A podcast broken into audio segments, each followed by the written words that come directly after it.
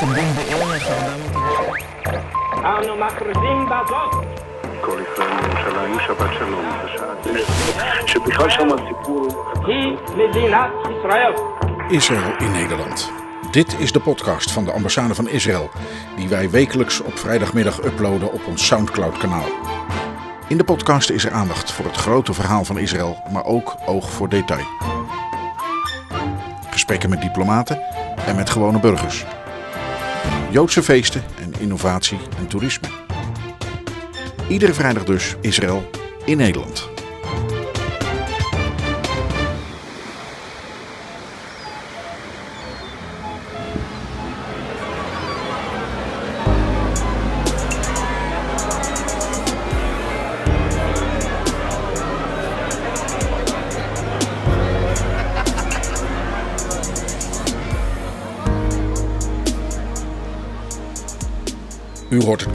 Dit is niet normaal. Zo beginnen we niet met een normale uitzending van onze podcast. En dat klopt. Nu de regio Midden ook vakantie heeft gekregen, is het zover. Vakantietijd. Wij vroegen ons als team op de ambassade af: wat gaan we doen? Ook met vakantie? Of gaan we door? Maar als we podcast blijven maken, hoe gaan we dat dan doen met onze eigen vakanties? We hebben besloten een zomerserie te maken die geheel in het teken komt te staan van 70 jaar relaties tussen Nederland en Israël. Want dat vieren we dit jaar. Tegelijk is het ook vakantie, dus het moet allemaal wel prettig beluisterbaar zijn.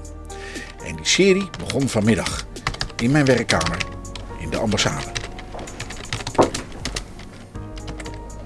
Hoi André. Hi. Hey, we gaan lunchen, kom je mee? Eh, ehm, eh, nog even graag, kan dat? Oké, waar ben je mee bezig Ik dan? moet even iets afmaken. Ehm, nou, dat heeft met het boek te maken wat hier ligt. Oh, right, is een de zomerserie. Ja, de zomerserie voor de podcast. Eh, nou ja, het is een heel oud, eh, zoals je kan zien, een heel oud muffig boek Ja. uit 1953. Zo. Wauw. Met hele oude foto's erin en vochtplekken erin. En, eh, maar het is wel interessant. Het is van deze meneer die hier bij president Weidsman zit. Oh, wauw. Dit is het eh, dagboek van Johan Nederbracht. En Wie was hij? Johan Nederbracht was eigenlijk de allereerste Nederlandse. Ja, dat, eh, hij was niet echt zeg maar, beëdigd als ambassadeur. Maar hij was de eerste officiële vertegenwoordiger van, van eh, Nederland in Jeruzalem. En dat, was, dat zeg ik bewust zo, want Israël bestond nog helemaal niet eens. Hij kwam aan op 4 februari 1948. En jullie weten allemaal dat Israël gesticht is op 15 mei. Ja. Dus hij was er eigenlijk voordat de staat er al was. En hij heeft dus eigenlijk de hele geboorte van Israël eh, meegemaakt. Dus dachten we, misschien is het een heel mooi idee om in het kader van eh 70 jaar relaties, wat we dit jaar toch proberen te gedenken, ondanks, eh, of herdenken, ondanks eh, corona, dat we toch proberen er iets eh, mee te doen. En met hem eh, mee te luisteren en mee te kijken wat hij ziet in 1948, terwijl Israël wordt opgericht. En een luisterboek. Luisterboeken zijn, zijn heel geschikt voor de zomervakantie. Precies, dat, dat dacht ik ook, want het is mooi. ehm, eh, we kunnen natuurlijk, nou, we hopen toch allemaal een klein beetje op vakantie te gaan. En eh, wat is het dan mooier dat als de kinderen in zee spelen eh, en lekker zwemmen, dat je dan in je strandstoeltje zit, je zonnebril op hebt, je koptelefoon opdoet of je oortjes in doet en dan je telefoon aanzet en gaat luisteren helemaal naar het verre verleden eh, in Jeruzalem. Leek ons een goed idee. Wie gaat het voorlezen? Jij? Ja, ik, eh, eh, nou ja, dat, eh, ik heb erover na zitten denken, moet ik gaan praten net als toen? Hedenmorgen, op, op, eh, in 1948, zijn we begonnen met het oprichten van het consulaat der Nederlanden. La- luister maar hoe dat gaat. Betekenis. En er zijn er al een paar geweest in de afgelopen weken, veroorzaakt telkens nog nieuwe doorbraken in de toch al zo zwakke binnendijken. Het lijkt een onbegonnen werk om te trachten de krachtige watervloeden tegen te houden. Dus, eh, nou ja, zo ga ik het niet doen. Maar eh, ik wil wel proberen een beetje, de, het is natuurlijk oude taal, eh, die uitdrukkingen ook. ik pak zomaar even een klein stukje, ik gooi even wat verder. Eh, even kijken hoor, helemaal volstrekt willekeurig. Eh, teruggekeerd in Jeruzalem zie ik in de krant dat de regering van Israël ook publiekelijk gezegd heeft wat men mij in Tel Aviv in de regerings kringen zeiden. Namelijk dat het zo met de wapenstilstand niet langer gaat. Nou ja, het geeft al iets aan. Het is natuurlijk hele klassiek taalgebruik. eh, ook oude taal die we nu helemaal niet meer gebruiken in Nederland. Maar eh, dus toch nog een klein beetje die sfeer wel meegeven. Maar ik, ga het, ik hoop het wel gewoon verstaanbaar voor te lezen. Dat iedereen het ook snapt. Ja, ik ga er naar luisteren. Ik ook.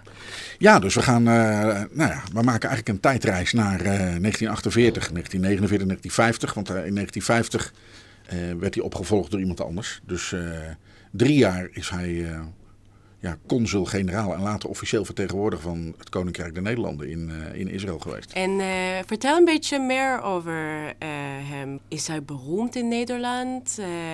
Weten mensen in Nederland over zijn geschiedenis? En was hij diplomaat? Ja, hij was, eh, hij, hij, eigenlijk is hij begonnen als journalist. Ehm, het was een hele gereformeerde eh, man, dus hij begon bij de Standaard. Dat was de, de krant in die tijd.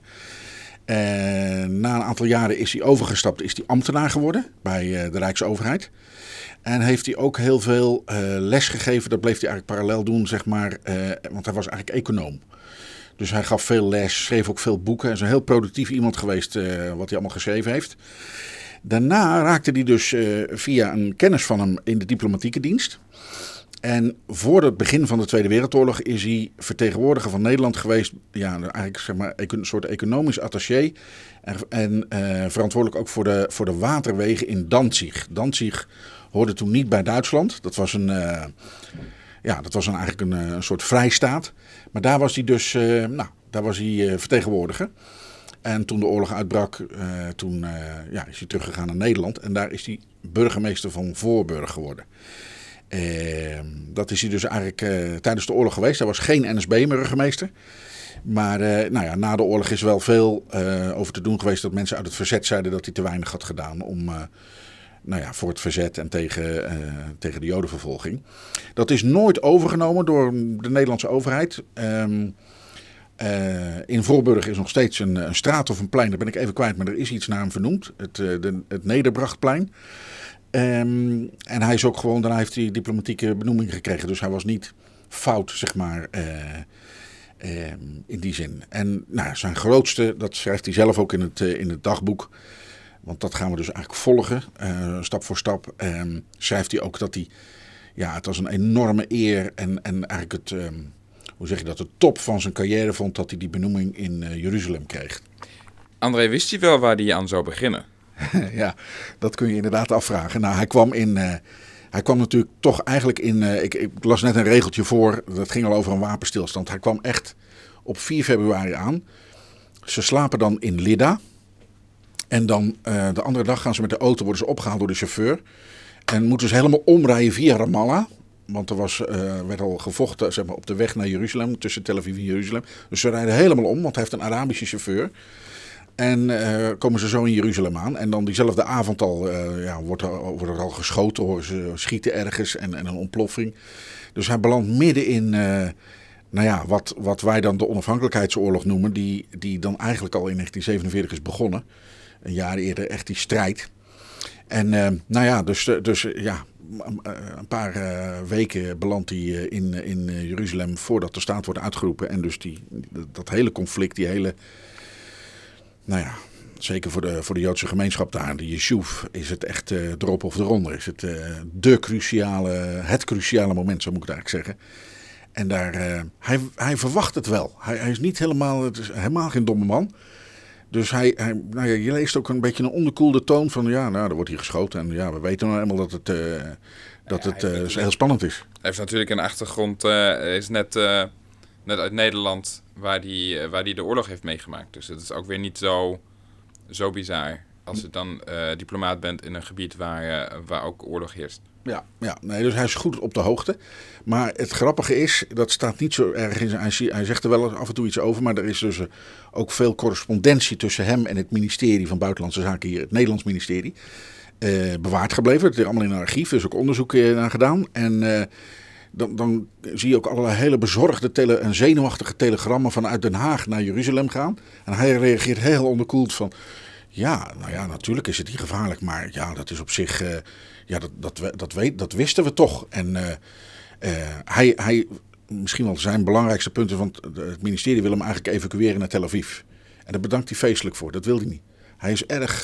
nou, hij staat helemaal achter het streven van de Joodse gemeente, van, van, van het Joodse volk om een eigen staat te krijgen.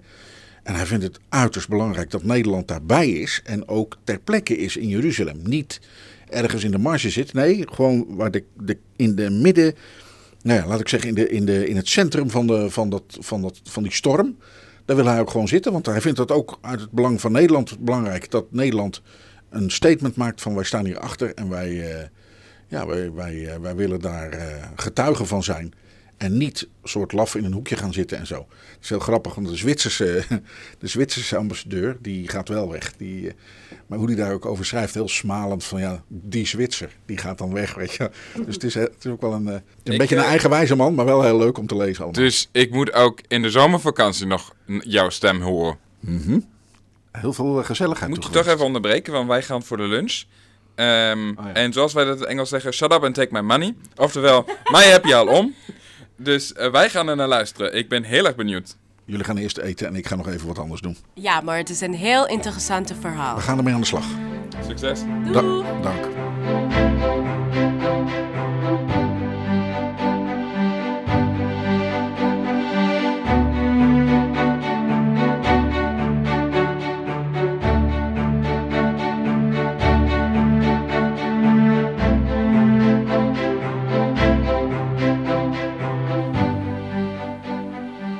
Jeruzalem, indien ik u vergeten. Het eerste wat van mijn toekomstig boek over Israël vaststond, was zijn titel, die ik ontleende aan het bekende woord van de bannelingen aan de rivieren van Babel, Psalm 137. Im eskachech Jeruzalem, tiskach Yemini. Als ik u vergeten, Jeruzalem, zo vergeten mijn rechterhand zichzelf. De woorden van mijn titel waren het ook die men las op vrachtwagens, welke van Tel Aviv komende en door alle Arabische hindernissen heen brekende levensmiddelen brachten naar het belegerde en benarde Jeruzalem. De bedoeling der keuze van mijn titel was daarmee tot uitdrukking te brengen dat mijn boek stond geboren te worden uit herinneringen aan een gelukkige tijd, onder de Joden in Jeruzalem doorgebracht en uit liefde tot de heilige stad en hetgeen waarvan zij onverwoestbaar ideaal is. Dr. J.A. Nederbracht.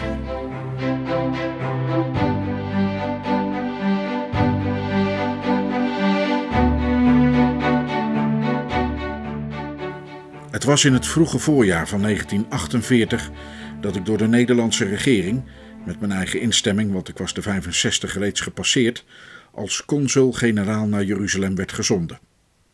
De onlusten waren in Palestina in volle gang.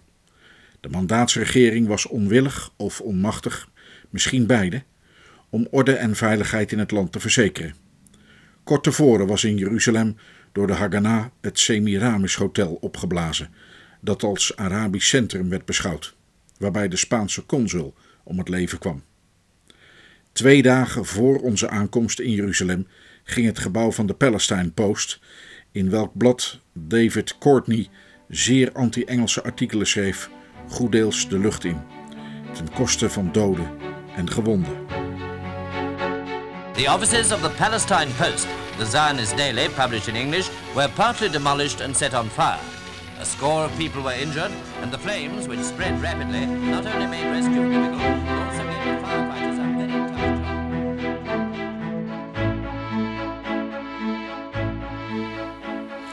Men spreekt van een Engelse aanslag, althans van Engelse medewerking. Op 22 februari wordt een groot stuk van de Ben Yehuda-straat in het verkeerscentrum der stad opgeblazen. Weer zijn vrij zeker Engelsen er mede schuldig aan. Weer wordt Engels materieel gebezigd. Weer doden en gewonden, zelfs veel. Op 11 maart plegen de Arabieren onder gebruikmaking van een Amerikaanse consulatsauto met de Amerikaanse vlag een bomaanslag op de, op de Jewish Agency, waarvan een deel vernield wordt, weer doden en gewonden. Dan op 13 maart een door de Joden uitgevoerde explosie in Katamon, een Arabische wijk, waaraan twee huizen ten offer vallen. En op 23 maart een geweldige explosie in Yemin Moschee, een door de bewoners verlaten, door de Arabieren aangevallen en door de Joden verdedigd strategisch punt. Ditmaal geen casualties.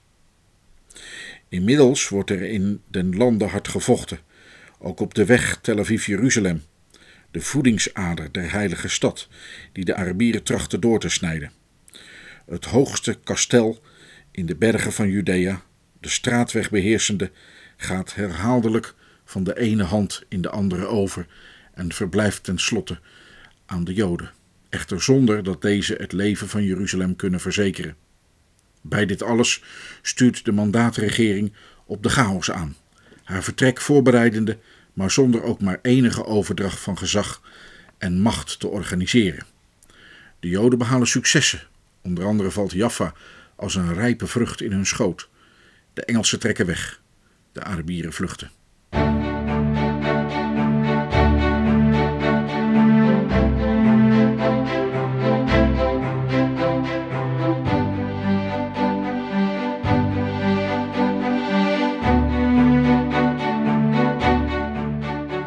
Het is woensdag 4 februari 1948. Heel in de vroegte, om kwart over drie, ben ik op de been. Mijn huisgenoten volgen weldra mijn voorbeeld. Sober houden we ons afscheid. Ik lees de 23e psalm van de Goede Herder, die zijn schapen veilig leidt en wijdt. En dan danken wij God dat Hij tot dusver onze Goede Herder heeft willen zijn. En bidden dat Hij ook verder ons allen, blijvenden en gaanden, veilig leiden en wijden wil. En dan, na een afscheid even kort als hartelijk, gaan we in de donkere nacht heen. Een Flying Dutchman, een Skymaster, brengt ons naar Lidda. Van die naam Skymaster houd ik niet. Ik lees liever in mijn benoemingsstuk dat Hare Majesteit zich koningin noemt bij de gratie Gods. Ik lees liever in scheepspapieren dat de kapitein zich noemt schipper, naast God schipper op mijn schip. Hoe dit zij, wij hopen Deo Volente des avonds met de Skymaster in Lida aan te komen. Inmiddels heb ik alle tijd om te denken over mijn levensweg en over de wonderlijke wijze waarop ik lang geleden aan buitenlandse zaken terechtkwam. Later in Danzig, weer later naar Voorburg, in Triest en nu weer in Jeruzalem. Doordat iemand van het departement, mij en mijn belangstellingen kennende, mij op de vakante post van consul-generaal opmerkzaam maakte. Waarop mijn reactie deze was: daarvoor ben ik te oud. Dat scheen eerst juist geacht te moeten worden, maar toen buiten mij om een ander zich met de zaak bemoeide, bleek de minister het een trouvaille te vinden, als ik mij met deze post zou willen belasten. Maar ik denk ook aan iets anders, dat met de laatste uren voor ons vertrek verband houdt.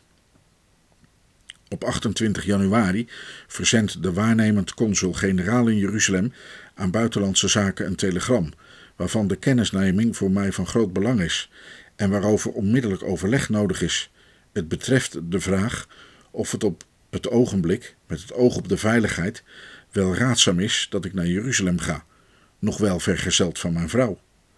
Dat telegram komt de volgende dag aan, maar er gebeurt niets. Ook op 30 en 31 januari niet, nog op 1 en 2 februari. Eerst op 3 februari in de late namiddag komt het in handen van een vriend aan het departement, die mij eilings opbelt en mij om half zeven de tekst voorlegt. Overleg met wie ook is dan onmogelijk. Al de arrangementen voor de reis zijn getroffen. Mijn bagage is al in Lida. Alle afscheid is genomen. Ik aarzel even, maar als het waar is dat ik geen eigenwillige wegen gekozen heb, dan mag ik het feit dat dit telegram te mijner kennis komt op een ogenblik dat ik niet meer terug kan, voor mij als een aanwijzing beschouwen dat ik ook niet terug mag willen. Mijn vrouw aarzelt ten deze zelfs geen ogenblik. We gaan dus naar Jeruzalem, in vertrouwen de goede herder.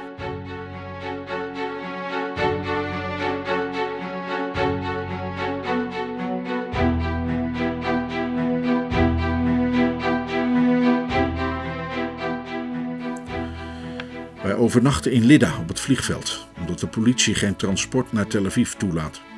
De andere morgen haalt een auto uit Jeruzalem ons af. Door de goede zorgen van de waarnemend consul-generaal is zij voorzien van een Nederlands vlaggetje en op de voorruit van een plakkaat in de nationale kleuren en het woord Netherlands.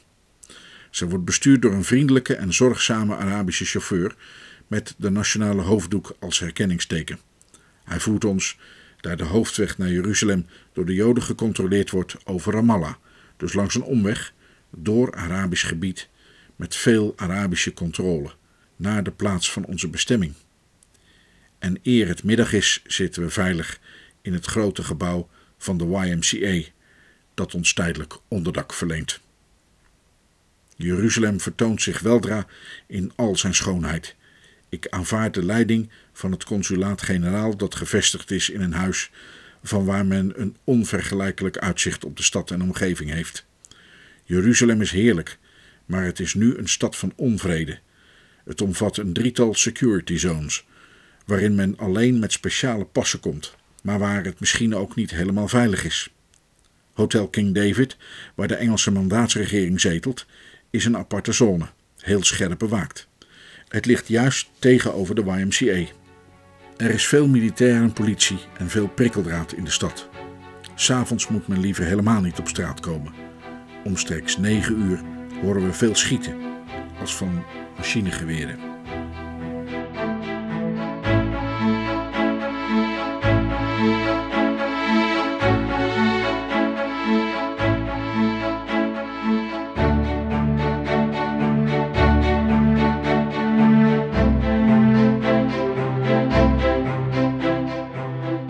Mijn eerste officiële bezoek is bij de Chief Secretary. Dat is de secretaris-generaal van het Palestijnse gouvernement in King David. De heer Gurney, een zeer hoffelijk man die mij alle hulp toezegt, welke ik behoef, spreekt het woord waaraan ik hier na twee dagen al gewend ben. It's a difficult time here. Hij zegt dat het hem volkomen onbekend is wat er in Palestina gaat gebeuren. Hij neemt aan dat omstreeks 1 mei de aangekondigde VN-commissie komt. Ik lees echter juist in de Palestine Post haar niet verder dan Tel Aviv of Lida willen laten komen. Op 15 mei trekken de Engelsen zich geheel uit het gouvernement terug en op 1 augustus zullen ook de troepen allemaal weg zijn. Dan blijft er van Engelse kant niemand over dan een consul-generaal. Aldus de chief secretary.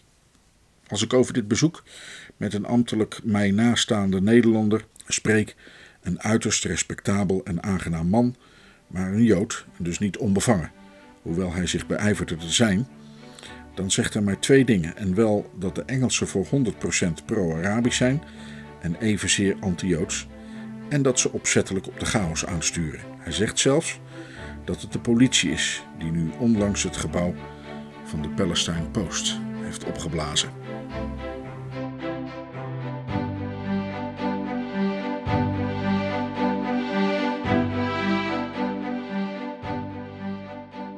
Mijn collegiale bezoeken begin ik bij de consul-generaal van een Balkanstaat, die als jong consulair ambtenaar in Rotterdam was. Hij is een man van het oude regime, zeer anticommunistisch, zeer anti-Russisch. Anderzijds is hij zeer pro-Engels. Hij beschouwt Engeland als de beschermer der kleine naties. Beide strijdende partijen beweren dat de Engelsen de andere partij begunstigen. Doch hij meent dat Engeland hier eerlijk neutraal is. Maar de Engelsen zien het gebeuren van thans niet ongaarne, zegt hij, omdat het de wereld bewijst dat de Engelse politiek onder het mandaat juist was. Engeland, zo oordeelt hij verder, is eerlijk van plan hier weg te gaan, maar als de VN niets bieden ter vervanging, acht hij het niet onmogelijk dat ze zouden blijven.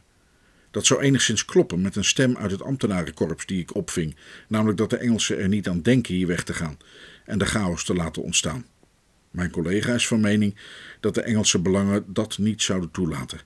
Hij is overigens van oordeel dat de vertegenwoordigers van vreemde mogendheden, tenzij in geval van een verdwaalde kogel, geen gevaar lopen en dat ze geen andere bescherming behoeven dan hun ambt, welke mening ik aanvankelijk deel. Intussen is er in Talbië, waar ons consulaat-generaal gelegen is, onrust ontstaan. De Joden beweren dat er door Arabieren in deze overwegend Joodse buurt van het dak van een huis uit een zogenaamd snipersnest geschoten is.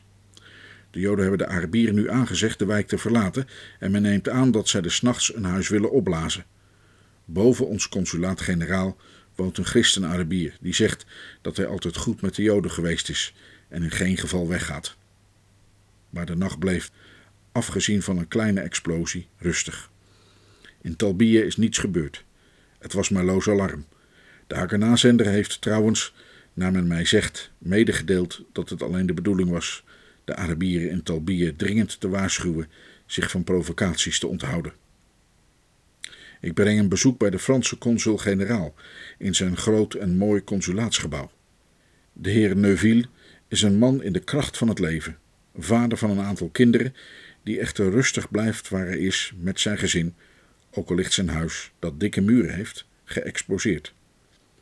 Hij is voor de oorlog ook jarenlang hier geweest en kent de toestanden hier goed. Hij staat als een zeer gecultiveerd man bekend. Het is aangenaam met hem te spreken en ik stel er veel prijs op zijn oordeel, met name over de kwestie van Engelands houding. De Engelsen houden de Joden voor ondankbaar, want het is toch de Engelse mandaatregering die zowel Joden in Palestina toeliet, wat door de Joden beantwoord is met hun bekende terreuractie, die de Engelsen zeer verbitterd heeft. Bovendien vreest Engeland voor een Joodse staat in het Midden-Oosten die onder invloed van Rusland zou kunnen komen. Om meer dan één reden zijn dus de Engelsen meer voor de Arabieren dan voor de Joden. Persoonlijk zijn de meeste van hen pro-Arabisch. Mijn collega is niet van oordeel dat de Engelse politiek in het grote conflict onpartijdig is. En hij haalt het voorbeeld aan van een oude Joodse stadswijk van Jeruzalem, waar de toestanden zeer moeilijk zijn en welke door de Engelsen zeer spaarzamelijk van levensbenodigdheden worden voorzien. In zaken de Palestine Post is hij zeer voorzichtig in zijn oordeel, maar het staat voor hem vast dat de Arabieren haar niet hebben opgeblazen, wel ze zich anders erop zouden beroemen. En het deelt mij voor zeker mede dat de ontploffingsstoffen in een militaire auto zijn aangevoerd. Na de lunch is er weer een ontploffing, gevolgd door sirenegeloei. Maar de weg is spoedig weer vrij en we gaan wat later de stad in om een paar boodschappen te doen.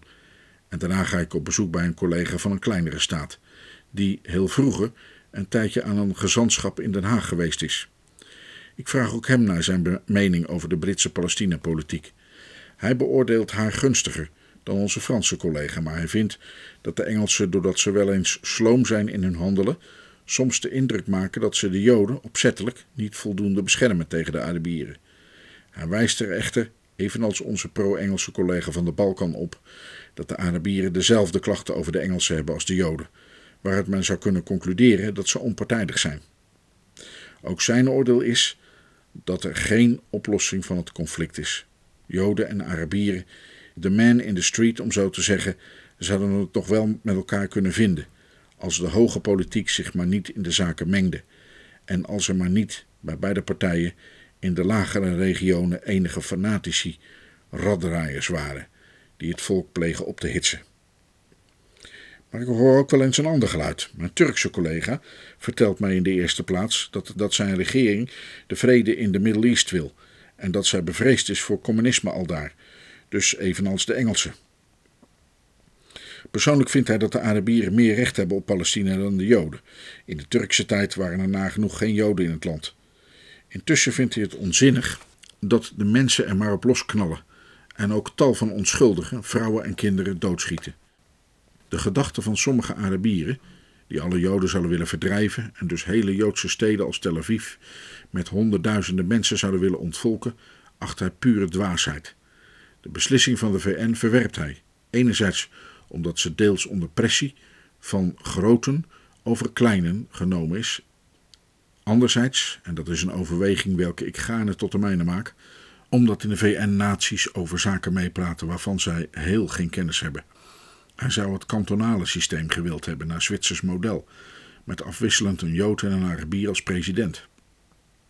Naar zijn mening zouden Joden en Arabieren het zeer wel met elkaar kunnen vinden. Hij heeft dat in privé aan de Arabische leiders gesuggereerd, maar zij willen er niets van weten. Uitzicht op een oplossing ziet hij niet. In de late namiddag van diezelfde dag breng ik een bezoek aan de Aid Officer Commanding, wiens bureau naast het onze ligt, waardoor prikkeldraad ervan is gescheiden. We hadden een gezellige afternoon tea, maar zoals mijn buurman zelf zegt, hij is geen politicus. Het gesprek leverde dus niet veel op, tenzij dit: dat als 15 mei de regering zich terugtrekt, de troepen wel voorhands blijven om hun eigen aftocht met voorraden te bewerkstelligen, maar zonder zich ook maar in het minst met het Arabisch-Joodse conflict te bemoeien. Inmiddels, het is nu 14 februari geworden, heeft de secretarie voor mij een bezoek bij de High Commissioner gearrangeerd. Generaal Sir Alan Gordon Cunningham, een goede zeventiger, naar ik schat, nobele, typisch Schotse figuur, is sedert ruim twee jaar hoge commissaris voor Palestina en als zodanig voorzitter van de Executive Council van vijf en de Advisory Council van 22 leden, welke beide raden uitsluitend Engelse ambtenaren omvatten. De generaal woont in een groot paleis op de berg van de Boze Raad, of der Ergernis, destijds speciaal als residentie der High Commissioners gebouwd. Het paleis is door een prachtige tuin omgeven en ik ben geneigd gelijk te geven aan hen die zeggen dat men hier het heerlijkste uitzicht op Jeruzalem heeft. Hij bevestigt wat ik reeds eerder aantekende over het vertrek der regering op 15 mei aanstaande en de houding der troepen daarna. Hij is van mening dat er voor de vertegenwoordigers der regeringen hier weinig gevaar is, maar hij waarschuwt op voedselnood verdacht te wezen. Voor de stad is zijn hoop nog immer gevestigd op de internationale politiemacht, maar in leek succes verpraat men zijn tijd. Merkwaardig is dat, naar zijn zeggen, de meeste Engelsen die in het conflict van thans sneuvelen, slachtoffer zijn van misdadigers die op wapens uit zijn. Overigens zijn er nog twee uitspraken van de heer Cunningham die ik met voldoening noteer. De eerste betreft de VN, waar ook naar mijn mening tal van naties meespreken over dingen waarvan ze heel geen verstand hebben. De andere maakte de, de Nederlandse leden van de UNSCOP, de United Nations Special Commissions on Palestine, de laatste Palestina-commissie, over wie de hoge commissaris zich met de grootste mogelijke waardering uitliet, waarover zijn inziens verschillende andere leden een scherp contrast vormden. Als ik de berg afdaal en van het grootse uitzicht geniet, denk ik aan twee dingen. Voor eerst aan de berg waarop de duivel Jezus voerde, om hem de koninkrijken der wereld en haar heerlijkheid te tonen. En voorts aan het tweeledige feit dat in 1917 Lord Allenby als triomfator Jeruzalem binnentrok en dat thans, mei 1948, generaal Cunningham zijn paleis verlaten moet omdat Engeland zijn grote historische taak in dit land niet heeft kunnen vervullen. Sic transit, gloria mundi.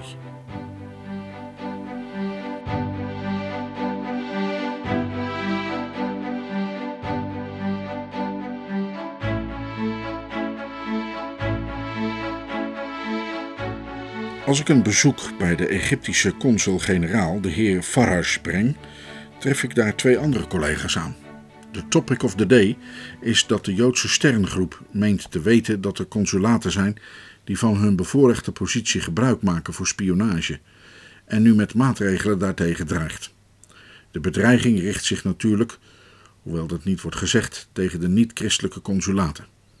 De Egyptenaar wordt, naar hij zegt, goed beschermd en heeft geen angst. Hij verzekert evenwel dat, mocht er iets gebeuren, zijn regering onmiddellijk tegenmaatregelen zal nemen tegen de zeggen rond 150.000 Joden in zijn land. Goeddeels welgestelde mensen die naar hij meent beter behandeld worden dan de Joden in welk ander land ter wereld ook. Hoe het zij, de situatie is precair. De geesten zijn verhit. De Joden zouden misschien op het denkbeeld van de godsvrede voor Jeruzalem willen ingaan, maar de Arabieren niet. In de namiddag van diezelfde dag heb ik een andere collega in de Arabische wijk bezocht. Ik rijd meestal met een Joodse chauffeur, maar in een Arabische wijk rijd ik met een Arabier. Dat kan niet anders. Ga ik van mijn bureau naar iemand in de Arabische sfeer, dan moet ik over de YMCA rijden en daar van taxi en chauffeur wisselen. In omgekeerde richting is dezelfde voorzorg noodzakelijk. In de buurt, waar de beide heren wonen, wordt veel geschoten. Hoe komt dat? De niet-christelijke consul-generaal al daar heeft gewapende wachten. Die mensen schieten bij het minste geruchtje. En als er één schiet, schieten ze allemaal. Zoals alle hanen kraaien als er één kraait. Afgezien van die hanen, die mijn vinding zijn, was dat de uitleg die mijn collega mij gaf. Uit ons gesprek over de huidige moeilijkheden teken ik overigens alleen aan dat ook deze collega van mening is dat de Joden en de Arabieren hier het wel met elkaar zouden kunnen vinden indien de politici van hier en elders er maar niet waren.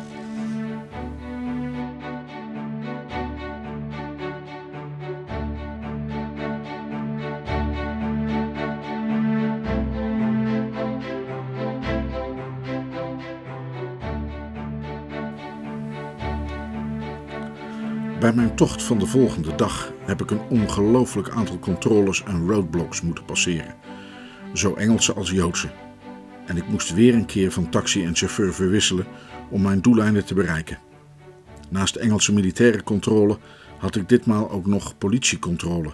Er waren enige gevangenen ontsnapt en die zocht de politie. Onzin, zeggen dan de Joden. Dat zijn Arabische zware jongens die ze laten ontsnappen om ze op ons los te laten. De Engelsen hebben het altijd gedaan. Mijn tocht betreft een collega die een verwoed vijand is van de Engelsen.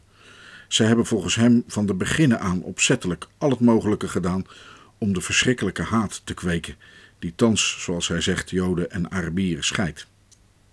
Als ik de morgen daarop naar de consul-generaal van Saoedi-Arabië ga, natuurlijk met een Arabische chauffeur, herhaalt zich het spelletje van de vorige dag. Alleen ga ik niet door Engelse en Joodse, maar door Engelse en Arabische controles. Ik kom in een gedeelte van Jeruzalem waar ik nog niet eerder was. Het is een Arabische wijk, zonnig en schilderachtig, ruim en fris. Alle Joden zijn hier verdreven. S'nachts hoort men er echter altijd schieten. Als ik voor het consulaat-generaal aankom, is er iemand om mij te begroeten en mij door de tuin naar binnen te geleiden. Er is een rij soldaten opgesteld die het geweer presenteren. De consul-generaal, een sheik, ontvangt mij vriendelijk, maar iets wat onhandig. Hij is een fors man in Arabisch kostuum gehuld. Het zijn maar een paar woorden Engels die hij spreekt. Een bediende, een aardige Arabische jongen, fungeert als tolk. De consul-generaal zegt mij dat de Joden overal goed met de Arabieren overweg kunnen en vindt dat dit hier ook zeer wel mogelijk zou zijn. Officieel wordt van Arabische zijde niets tegen hen ondernomen. Wat nu gebeurt is spontaan. De leiders staan daar niet achter. Officiële actie zal zo nodig eerst later komen. De consulaten en consulaire vertegenwoordigers der Verenigde Staten hebben niets te vrezen, behoudens in het geval dat de Joden de consulaten der Arabische Staten mochten aantasten, zoals zij, wat ik hierbij voeg, gedreigd hebben. Dan zal scherpe represaille volgen. Als ik opsta om heen te gaan, begeleidt hij mij met zijn tolk door de tuin waar de soldaten weer het geweer presenteren, tot aan mijn auto, waar wij hoffelijk afscheid nemen.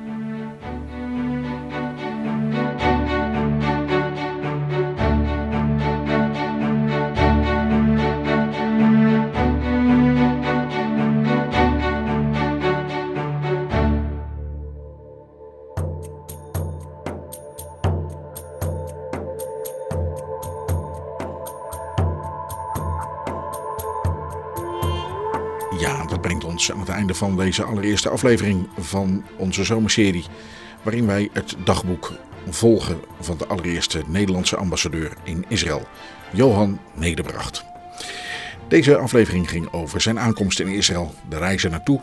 Volgende week vervolgen wij onze reis. Als hij kennis gaat maken met de plek waar hij is aanbeland.